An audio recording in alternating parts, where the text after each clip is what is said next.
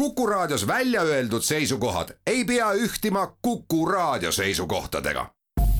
Te kuulate Kuku Raadiot.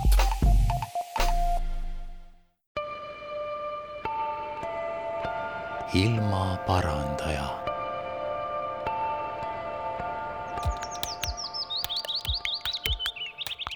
saadet toetab Keskkonnainvesteeringute Keskus.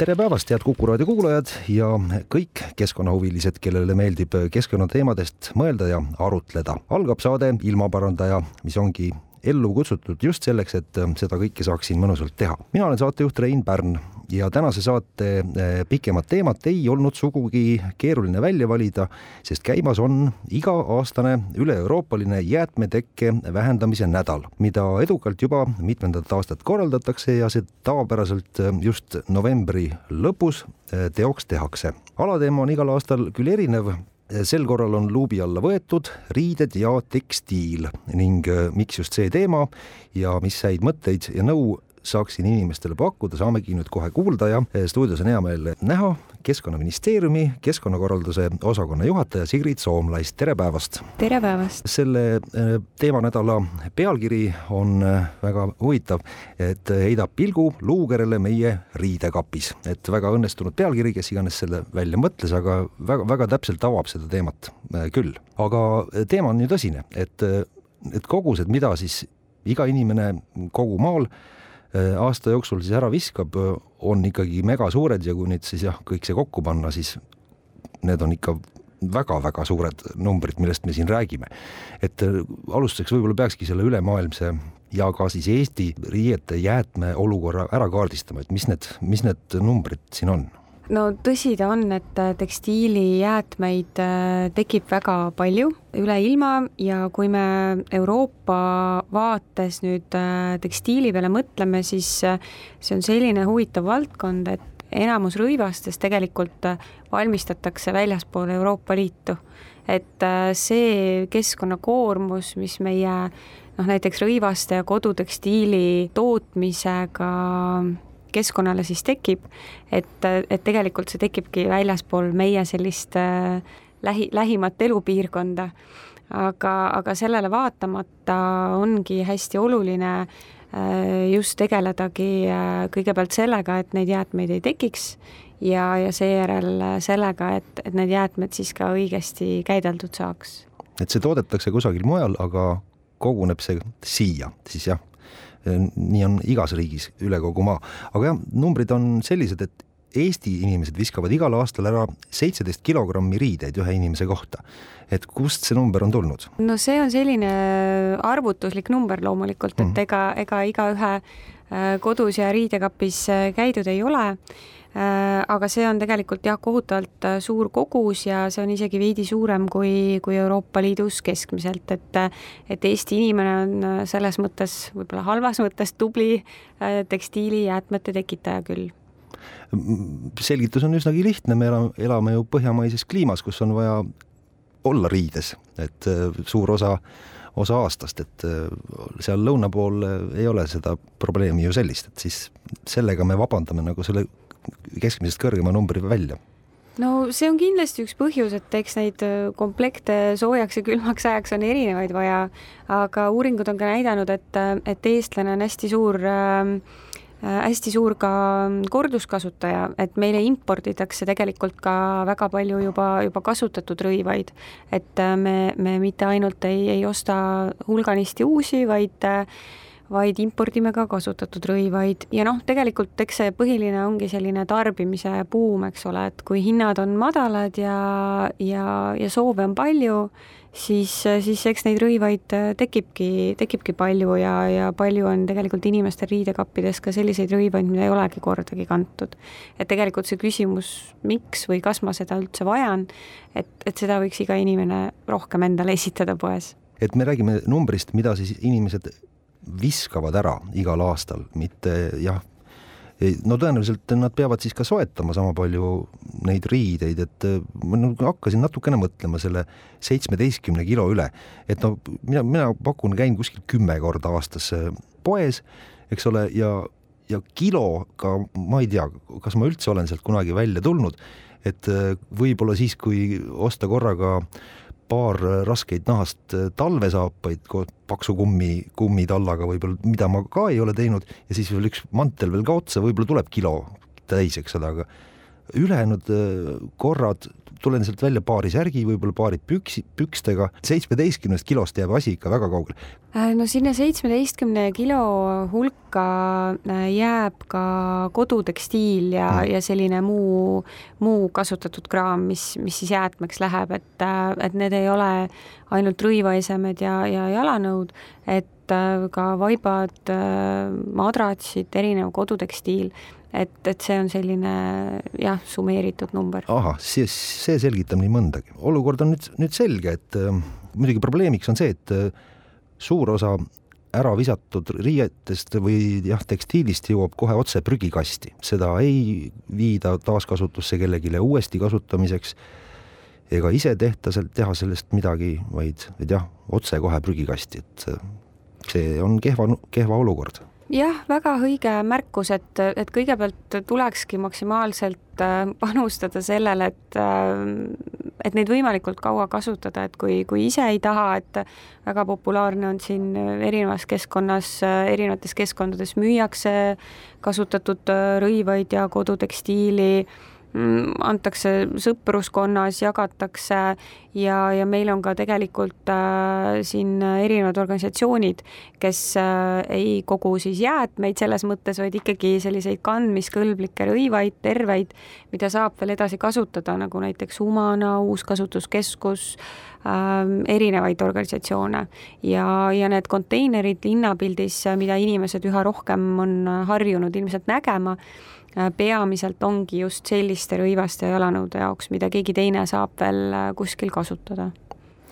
Eriti nüüd, kus meil on väga palju Ukraina sõjapõgenikke saabunud, siis äh, kuluks need riided vist hädasti ära. et nüüd on talv, on ka juba kohale jõudnud ja vaevalt põgenemishoos jõudi, jõuti mõelda, et võtaks nüüd õige ka talveriided kaasa, et neid abivajajaid on siin, on siin ikkagi palju. ja lihtsalt tuleb leida üles õige koht, kuhu viia, et see ei tohiks vist olla väga keeruline või? tegelikult on see lihtsam, kui, kui arvata võib, et kes, kes ise ei tea, kuhu kodu lähedal viia, siis ongi selline koduleht nagu kuhuviia.ee ja, ja seal on, seal on äh, tegelikult võimalik ära märkida, kas sa tahad anda ära kasutuskõlblikku äh, eset kellelegi edasikandmiseks või on sul äh, midagi katki läinud ja, ja prügisse viskamise asemel sa tahaksid seda parandada, et tegelikult sealt on võimalik leida ka selliseid rätsepmeistreid või, või aadresse siis kohti, kus parandatakse ka riideid. et see kuhuviia.ee tõesti tasub vaadata ja ta näitabki kodule kõige lähemal asuvaid võimalusi.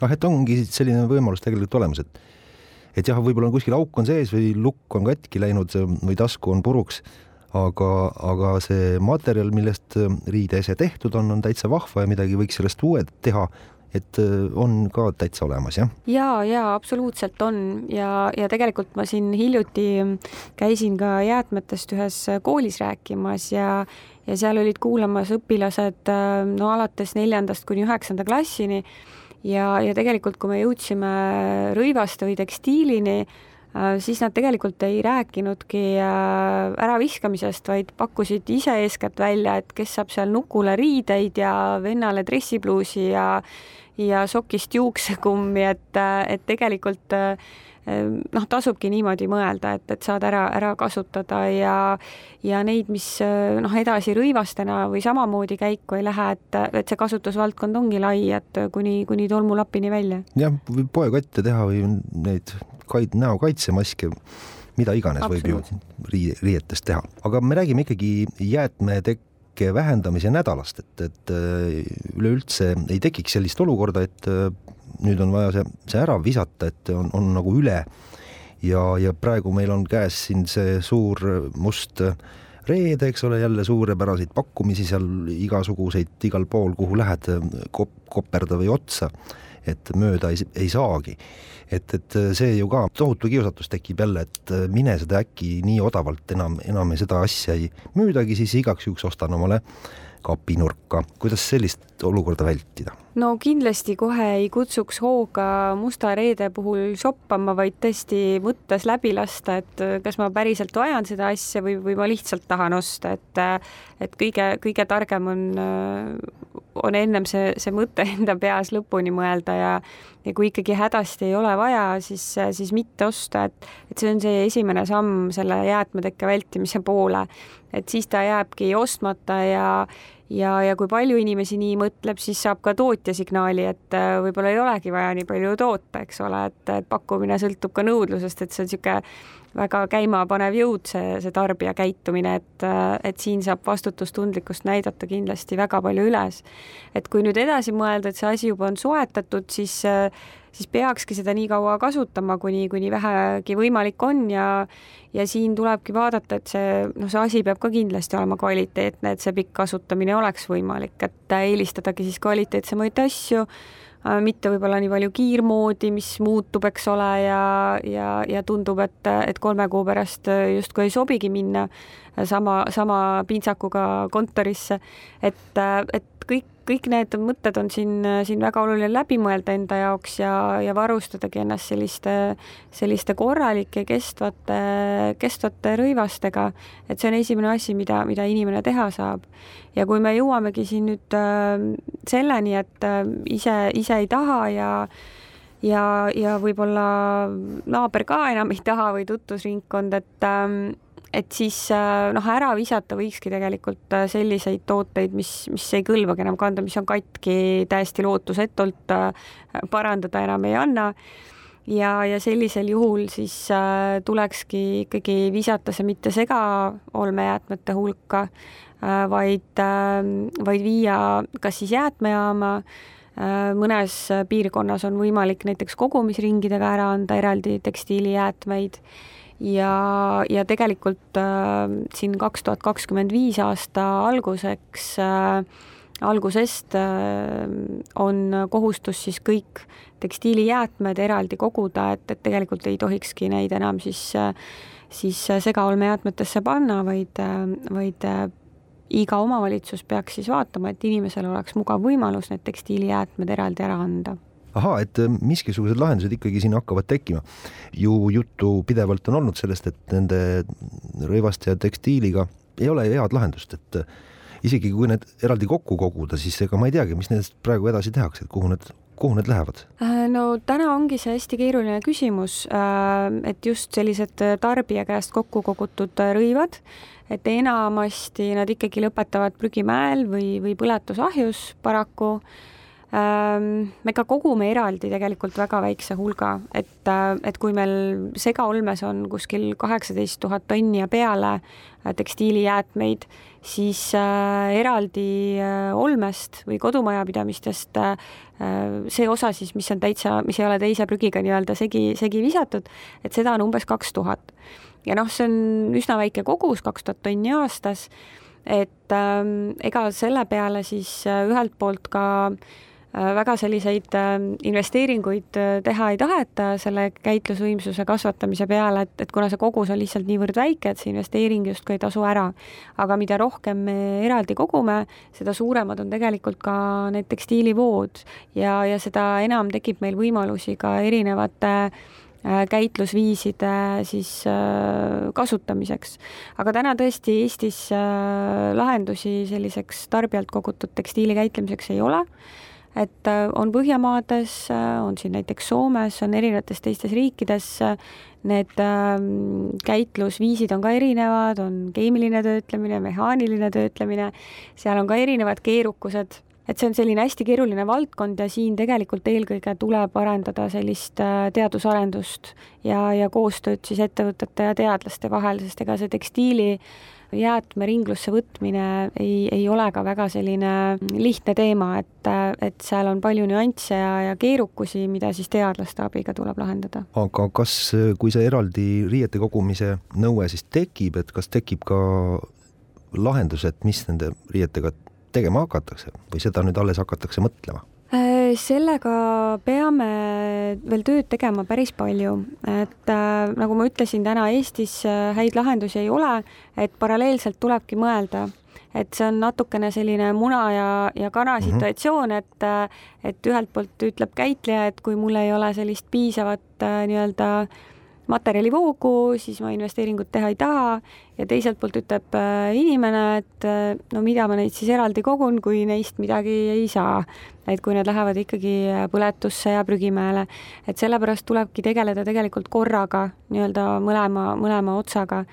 Ja, ja, ja siin ongi tegelikult äh, noh, kindlasti on täiendavat rahastust vaja siia, on, on vaja ettevõtlikke ettevõtjaid, kes näevad selles potentsiaali ja kuna Eesti turg on nii väike, siis me ilmselt ikkagi räägime eelkõige sellisest riikideülesest koostööst, et kas siis Põhjamaade või Baltikumi suunal. et aga võimalusi siin kindlasti on ja nutikad inimesed leiavad siin vahvaid vahvaid äh, lahendusi ja, ja kuidas olukorda ära kasutada.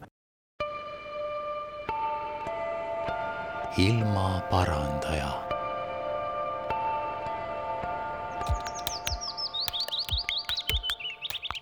saadet toetab Keskkonnainvesteeringute Keskus jätkame keskkonnasaatega Ilmaparandaja. tänaseks teemaks oleme võtnud selle, et käimas on jäätmetekke vähendamise nädal, mis seekord on võtnud fookusesse rõivad ja tekstiilid ning probleem on selles, et kogused, mida maailmas muudkui toodetakse ja samas ka ära visatakse, igal aastal järjest kasvavad ja on juba niigi suured.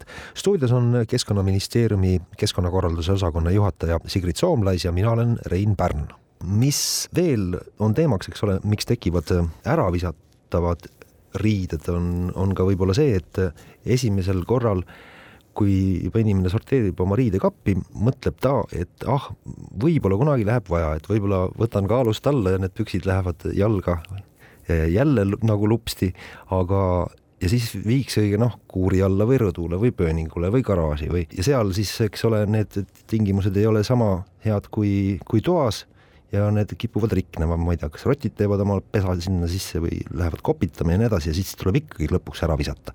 et targem on vist kohe see valik langetada, et kui see prügikott juba käes on, et siis äh, panna need kuivad ja värsked riided sinna sisse ja, ja kohe viia. jaa, absoluutselt, et, et selle korduskasutamise noh, mõte ongi, et keegi teine saaks neid äh, veel samal eesmärgil kasutada, et neid pükse kanda või kleiti kanda, et või jalanõusid, et, äh, et kui nad juba hallitavad ja kopitavad, noh, siis tõepoolest ei ole nendega enam väga samal eesmärgil midagi teha, et äh, et tõesti tasub teha see raske otsus ja, ja lahti lasta asjadest, mida võib-olla juba paar aastat ei olegi enam puutunud või või, või mis tundub, et, et sobiks äh, hoopis kellelegi mõnel muul põhjusel edasi anda. me ei räägi ju ainult sellest probleemist, et äh, inimene saab lihtsalt oma riidekapi ruumi juurde ja probleemist nagu oma toas lahti, vaid see moetööstuse ja rõivatööstuse äh, ülemaailmne mõju on ju väga suur. ja, ja on, oli siin ju ka välja toodud, et selle keskkonnamõju on, on suurem kui ütleme, merenduse ja lennunduse mõju kokku ja, ja jah, kogu maailm ägab sellega, vaata üks suurimaid probleeme maailmas keskkonna mõttes, eks ole. jaa, no rõivatööstus on väga-väga ka energiamahukas, eks ole, ja, ja seetõttu ka keskkonnale koormav ähm, tegelikult äh, Euroopa tasandil, et äh, noh, see on just teema, kus ühel riigil või, või ühel piirkonnal on võib-olla raskem midagi ära teha, et tuleb, äh, tuleb ühendada jõud, et Euroopa tasandil üldiselt tervikuna äh, nähakse ju ka seda suurt probleemi ja Euroopa Komisjon äh, on siin ka äh, teinud äh, tekstiilistrateegia ettepaneku, mille all nad siis ongi mõelnud rea erinevaid selliseid samme või algatusi, kuidas siis seda, seda käitumist selles valdkonnas siis, siis parandada, eks ole, et, et seda keskkonnamõju vähendada siis ja, ja tegeleda nii tekstiili tootmise kui ka nende jäätmete poolega ja, ja, ja Euroopa Komisjoni sulest äh, on siis sellised äh, mõtted, et äh, et kindlasti tuleks tegeleda siis äh, nende rõivaste kvaliteediga, et see kasutusiga oleks pikem, et äh, kehtestada selliseid erinevaid nõudeid, milline see nii-öelda vastupidav toode siis peaks olema.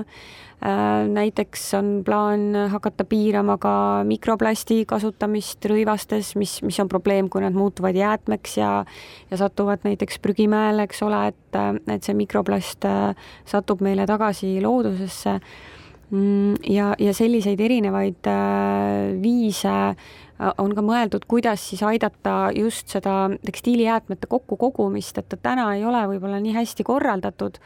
Äh, et kui me näiteks segaolmejäätmete või olmeprügi nii-öelda puhul näeme, et meil käib siin korra nädalas auto ja kuhugi need jäätmed viib, et siis tekstiilijäätmete puhul ei ole nii hästi igas piirkonnas korraldatud ega igas riigiski Euroopas korraldatud. Ja ja, ja siin on ka, siin on ka olnud Euroopa tasandil mõte, et et panna seda tekstiilijäätmete siis kokkukorjamise ja käitlemise vastutust rohkem ka sellele tootjale.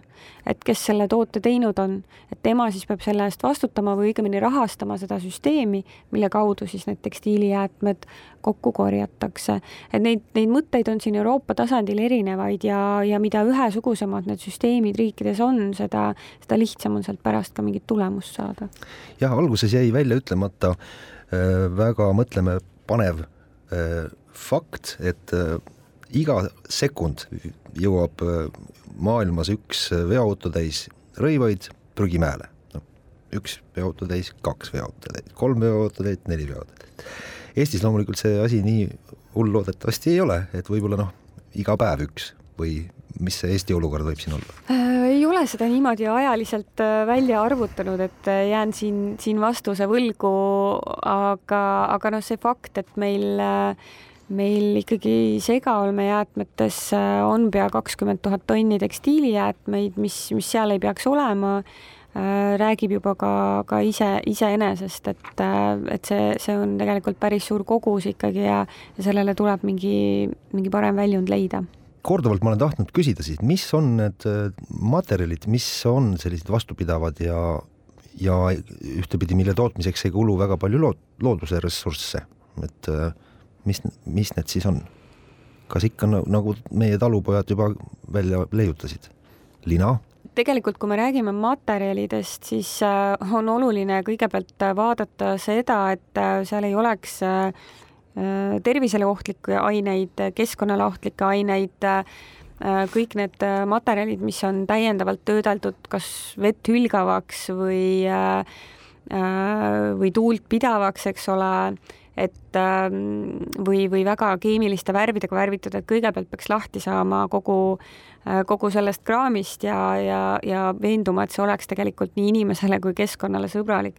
sest kui, kui sellised tekstiilid äh, pärast jälle äh, ringlema lähevad või, või veel hullem loodusesse satuvad, et, äh, et siis on sellest kahju rohkem kui kasu.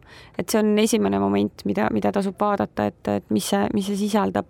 et äh, materjalina, noh, loomulikult puuvill on tegelikult väga-väga selline inimesesõbralik materjal ja teda on ka hea mitmeks otstarbeks kasutada, aga samas tema tootmine on äärmiselt ressursimahukas et, et eks seal on erinevate materjalide puhul plusse ja miinuseid ja eelkõige tuleks tagada ka see ohutus tegelikult inimesele ja keskkonnale. üks oluline asi, mida siis peaks poes jälgima, et äh, mitte valida, kui on võimalik, sünteetilisi materjale, eelkõige siis polüester on see, mis on meeletult äh, üle võtnud kogu rõivatööstuse, et äh, kui siin ütleme veel pool sajandit tagasi oli, oli nagu pooleks enam-vähem see lina ja villa ja, ja siis polüestri osakaal, siis nüüd on polüester noh, põhimõtteliselt äh, üheksakümmend protsenti kasutusel kõikide rõivade tootmises ja, ja see koormab ju omakorda meeletult loodust, sest tegemist on sisuliselt ju plastikuga. Äh, ja kõik sellised kunst, kunstkiud ja, ja kunstmaterjalid, et äh, neid on hiljem ka jäätmefaasis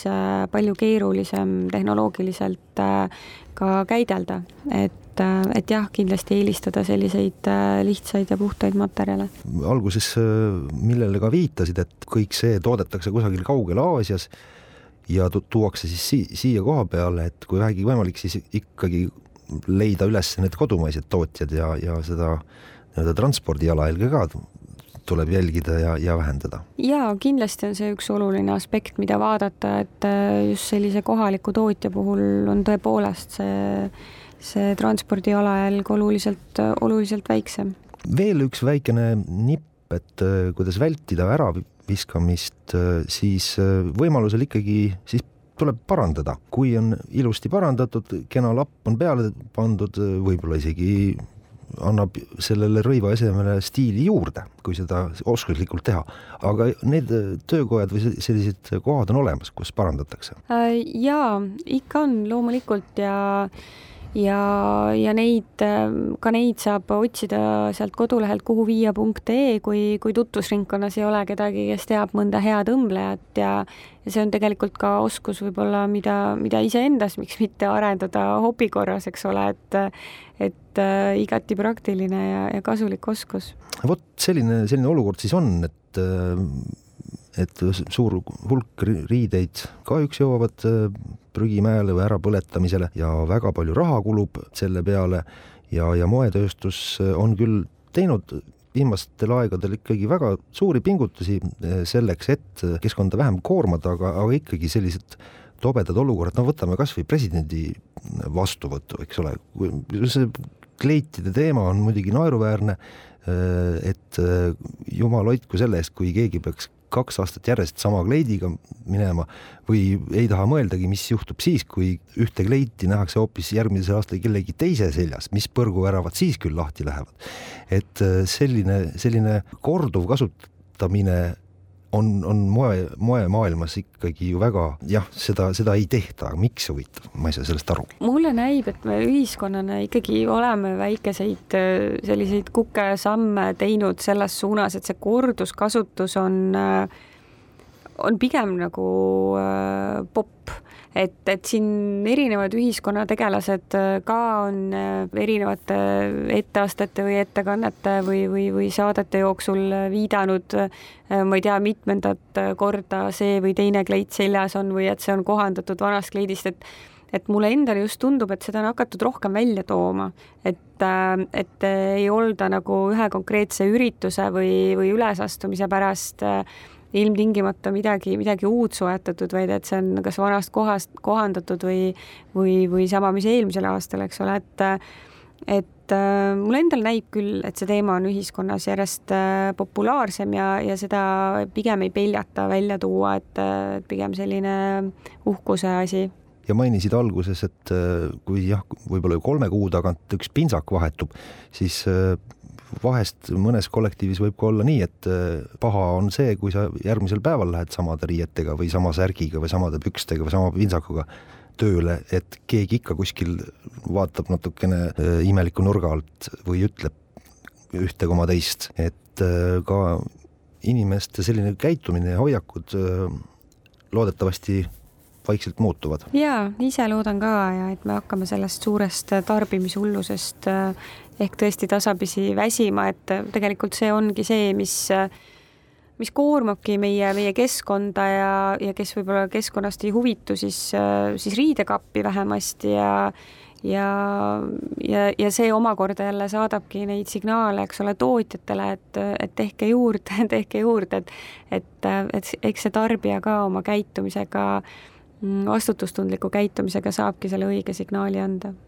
Nii ta on. jah, olukord kahjuks hetkel on äh, tõsine, maailm äh, ägab äh, riidekoormate all ja rõivatööstus muudkui, muudkui praegu kasvab ja seda plasti toodetakse ka järjest rohkem juurde ning ressursse kulub kõige selle tootmiseks, aga noh, loodame siis, et kunagi tuleb aeg, kui, kui see tagasi pöördub või jah, loodame siis selle aasta kaks tuhat kakskümmend viis peale, et äkki, äkki siis toimub suur, suur muutus ja saame jälle südamerahuga äh, riideid kanda. ma väga tänan äh, Keskkonnaministeeriumi keskkonnakorralduse osakonna juhataja Sigrid Soomlas, et said meile stuudiosse tulla, teemat äh, avada kuulajatele. aitäh ja kena päeva jätku! aitäh kutsumast! ilmaparandaja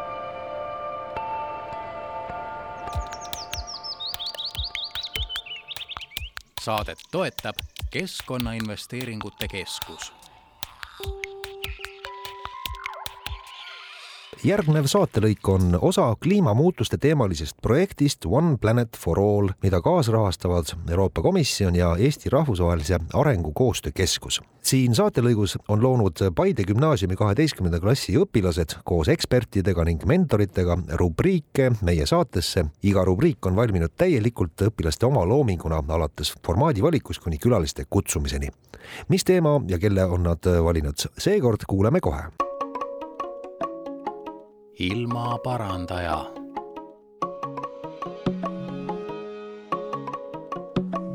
tervist, kallid raadiokuulajad, teiega rääkimas siin täna Paide gümnaasiumi noored. minu nimi on Kaisa. minu nimi on Kertu. minu nimi on Hanna-Liisi. ja minu nimi on Emma. ning äh, meie siis räägime teile täna sellisest teemast nagu loomkatsed selle podcasti eesmärgiks on siis teid, kallid kuulajad, natukene sellel teemal valgustada ja välja tuua ka alternatiivid loomkatsetele, et kuidas me saaksime siis meie kalleid loomi paremini kohelda. ja mis asjad need loomkatsed siis on? loomkatsetes kasutatakse siis katseloomi lubatud teaduslikul või hariduslikul eesmärgil, ehk siis noh, erinevatel uuringutel ja nende uuringute eesmärkideks on siis äh, ravimite, toitude, kosmeetika või mingisuguste muude ainete ohutust äh, kontrollida. Äh, või siis näiteks uute teadmiste või nii-öelda haridusmaastikul mingisuguste saavutuste leidmiseks või siis kohtuekspertiisi uuringute tegemiseks. aga miks need loomkatsed siis nii halvad on? Te võite küsida. et üldiselt vähemalt enda perspektiivist rääkides, siis kunagi väikse tüdrukuna loomkatsete peale mõeldes mõtlesid, ah, mingi jänkule määritakse huulepulka natukene suu peale, et mis seal ikka nii nii eh, ohtlik on, et aga tegelikult on lood niimoodi, et loomkatse käigus võib loom olla sunnitud taluma valu, kannatusi või vigastusi ja loomkatsed siis võivad kavatsetult või tõenäoliselt lõppeda looma surmaga, ehk siis ei ole need nii süütud asjad midagi. aga Emma, äkki sa räägid meile natukene loomkatsete ajaloost? ja ikka räägin. loomkatsed kui sellised algasid siis juba äh, kolmsada kuni kakssada aastat enne Kristust ja neid kasutati siis erinevate meditsiiniliste protseduuride jaoks. tuhat kakssada nelikümmend kaks aastal arenes see natuke ja hakati veel edasi kasutama neid meditsiinilistel tarvetel. ja tuhat kuussada oli äh,, tegi Robert Boyle ühe huvitava eksperimendi. ehk siis tema hüpotees oli, et äh, äh, elusolendid vajavad õhku, et, et elus olla. ja siis jah, tundub, praegu tundub sihuke väga loogiline asi, aga siis äh, millegipärast ei olnud. Ja äh, läbi loomkatsetada siis tõestas, et, et äh, nii see tõepoolest on vot kui huvitavad siis, asjad, et. Äh, meie jaoks tunduvad praegu nii iseenesestmõistetavad mm, -hmm. aga mhm. kunagi ei olnud veel selline teadmine kõigil olemas äh,. siis äh, tuhande seitsmendasajandatel aastatel äh, hakati neid kasutama teaduses ehk siis uuriti äh, näiteks vererõhu kohta ja mingi elektrilöökide kohta äh, tuhat kaheksasada aastal avastati, et äh, tänu loomade katsetele, et bakterid on inimestele kahjulikud ja loomadele. ja niimoodi ta siis vaikselt edasi areneski, kuna siis tänase päevani ja nüüd tänapäeval kasutatakse neid ka siis äh, kosmeetilistel otstarvetel, mitte ainult meditsiinilistel, et see on nagu äh, ajas arenenud päris äh, kiiresti. Kertu, äkki sa seletad meile, mis need täpsemalt on ja mida need endast kujutavad? Äh, ja et siis äh, nagu Kaisa ütles, siis loomkatsete käigus piinatakse loomi päris palju. Näiteks neid on sunnitud kemikaalidega kokku puutuma mürgisuse testimiseks, neid manipuleeritakse geneetiliselt, neile tekitatakse haavasid, põletusi ja muid vigastusi paranemise uurimiseks, neile antakse elektrilööke ja neid on sunnitud ujuma käitumiskatsete jaoks siis.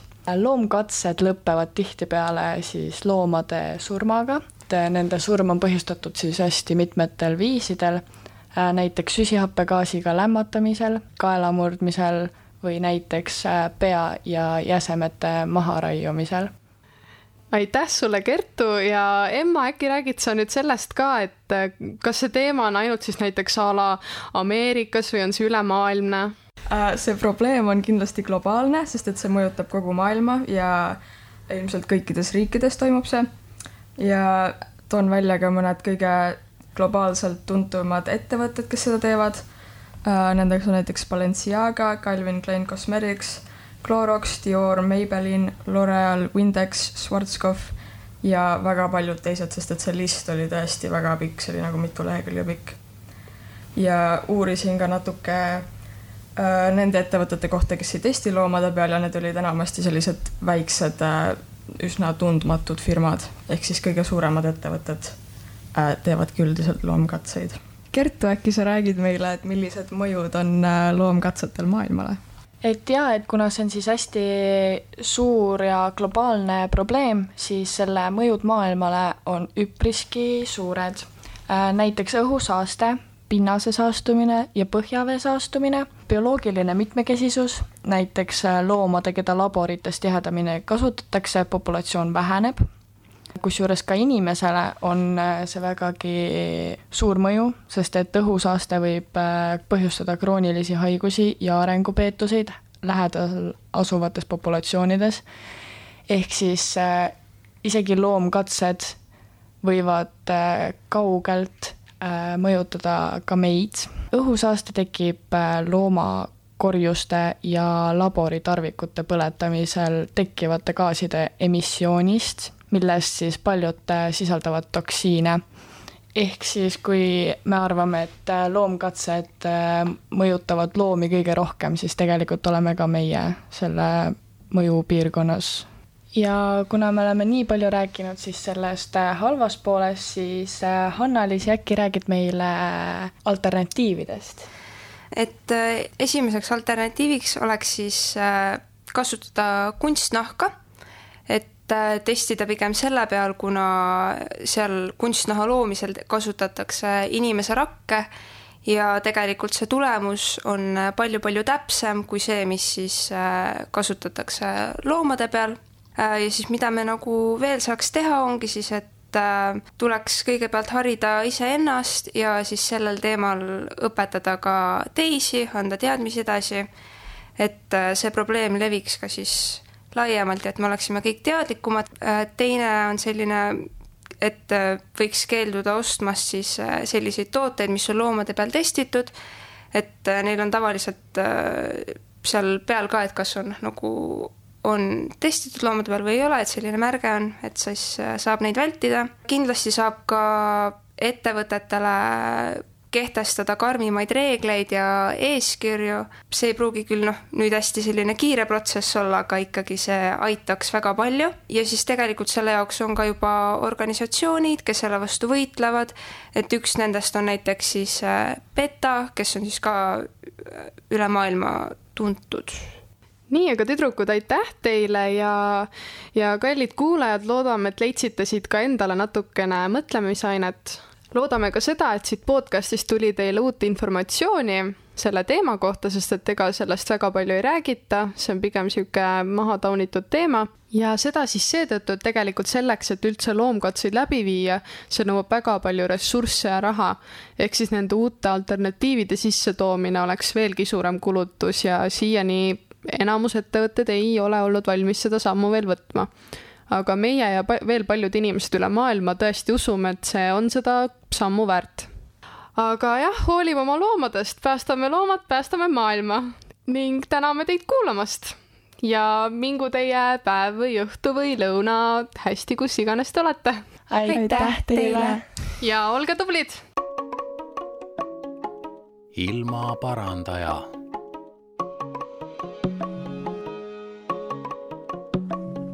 tänast saadet jääb lõpetama Eestimaa Looduse Fondi poolt valmistatud rubriik nimega Loodussaladus. head kuulamist. loodussaladus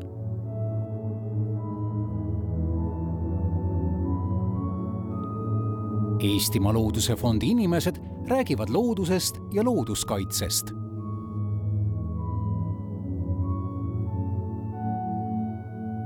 loodussaladus tere! mina olen Eestimaa Looduse Fondi metsaekspert Liis Kuresoo ja räägin teile täna ühe looduse saladuse. see saladus ei ole aga mingi väike saladus, see on üks suur saladus, mis vastab tuntud küsimusele, kes elab metsa sees juba etteruttavalt annan vihje, et see vastus puudutab suurt hulka veidi kentsaka nimega tegelasi, nagu näiteks harilik säbrik, kuuse nublusamblik, laanerähn, lendorav, värbkakk, kännukatik, laiahõlmaline rikardia, roheline hiidkupar, haavanääts, roosa pess, taiga peenpoorik, kaunis kuldking, väike punalamesklane. aga hakkame otsast läbi metsa sammuma. mets on olnud siin palju kauem kui meie inimkonna või inimese eluiga ei ole metsaga võrreldav. kui mets saab omasoodu areneda, ei mädane ta käest ära või ei kuku pikali ega kao.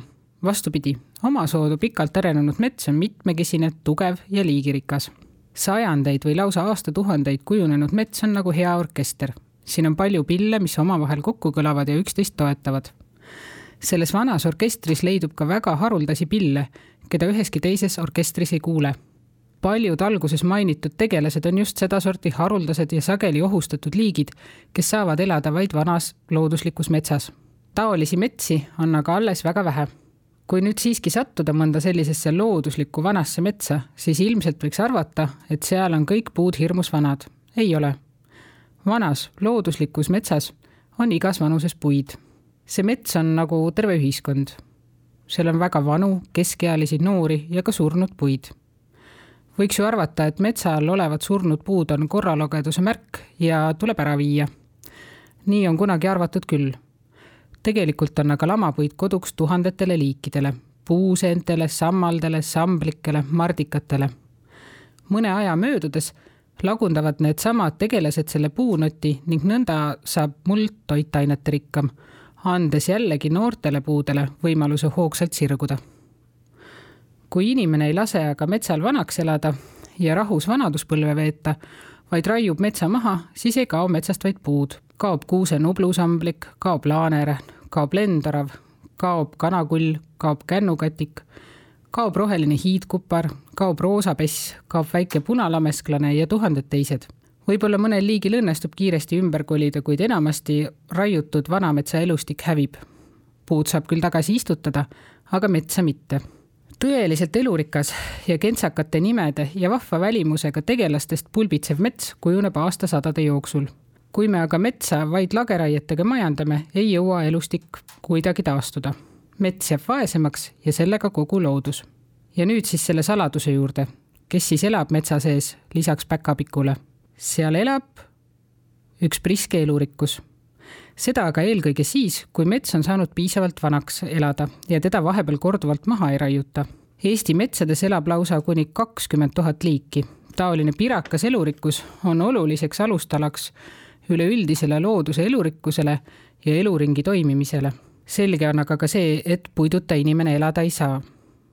kuidas siis teha nii, et priske elurikkus ei kaoks ning inimene saaks samas ikka metsast puitu?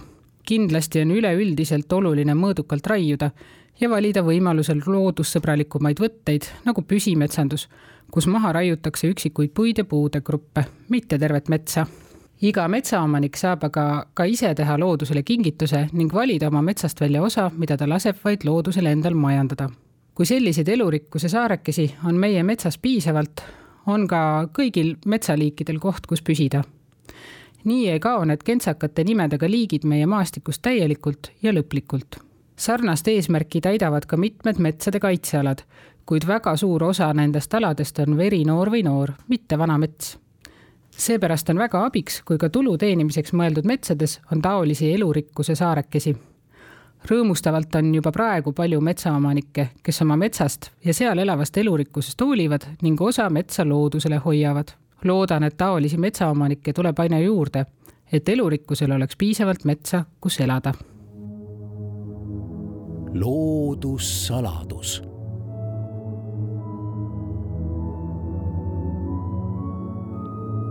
Eestimaa Looduse Fondi inimesed räägivad loodusest ja looduskaitsest.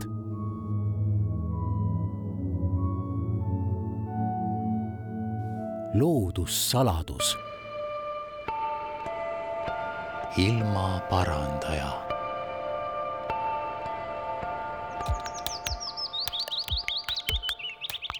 saadet toetab Keskkonnainvesteeringute Keskus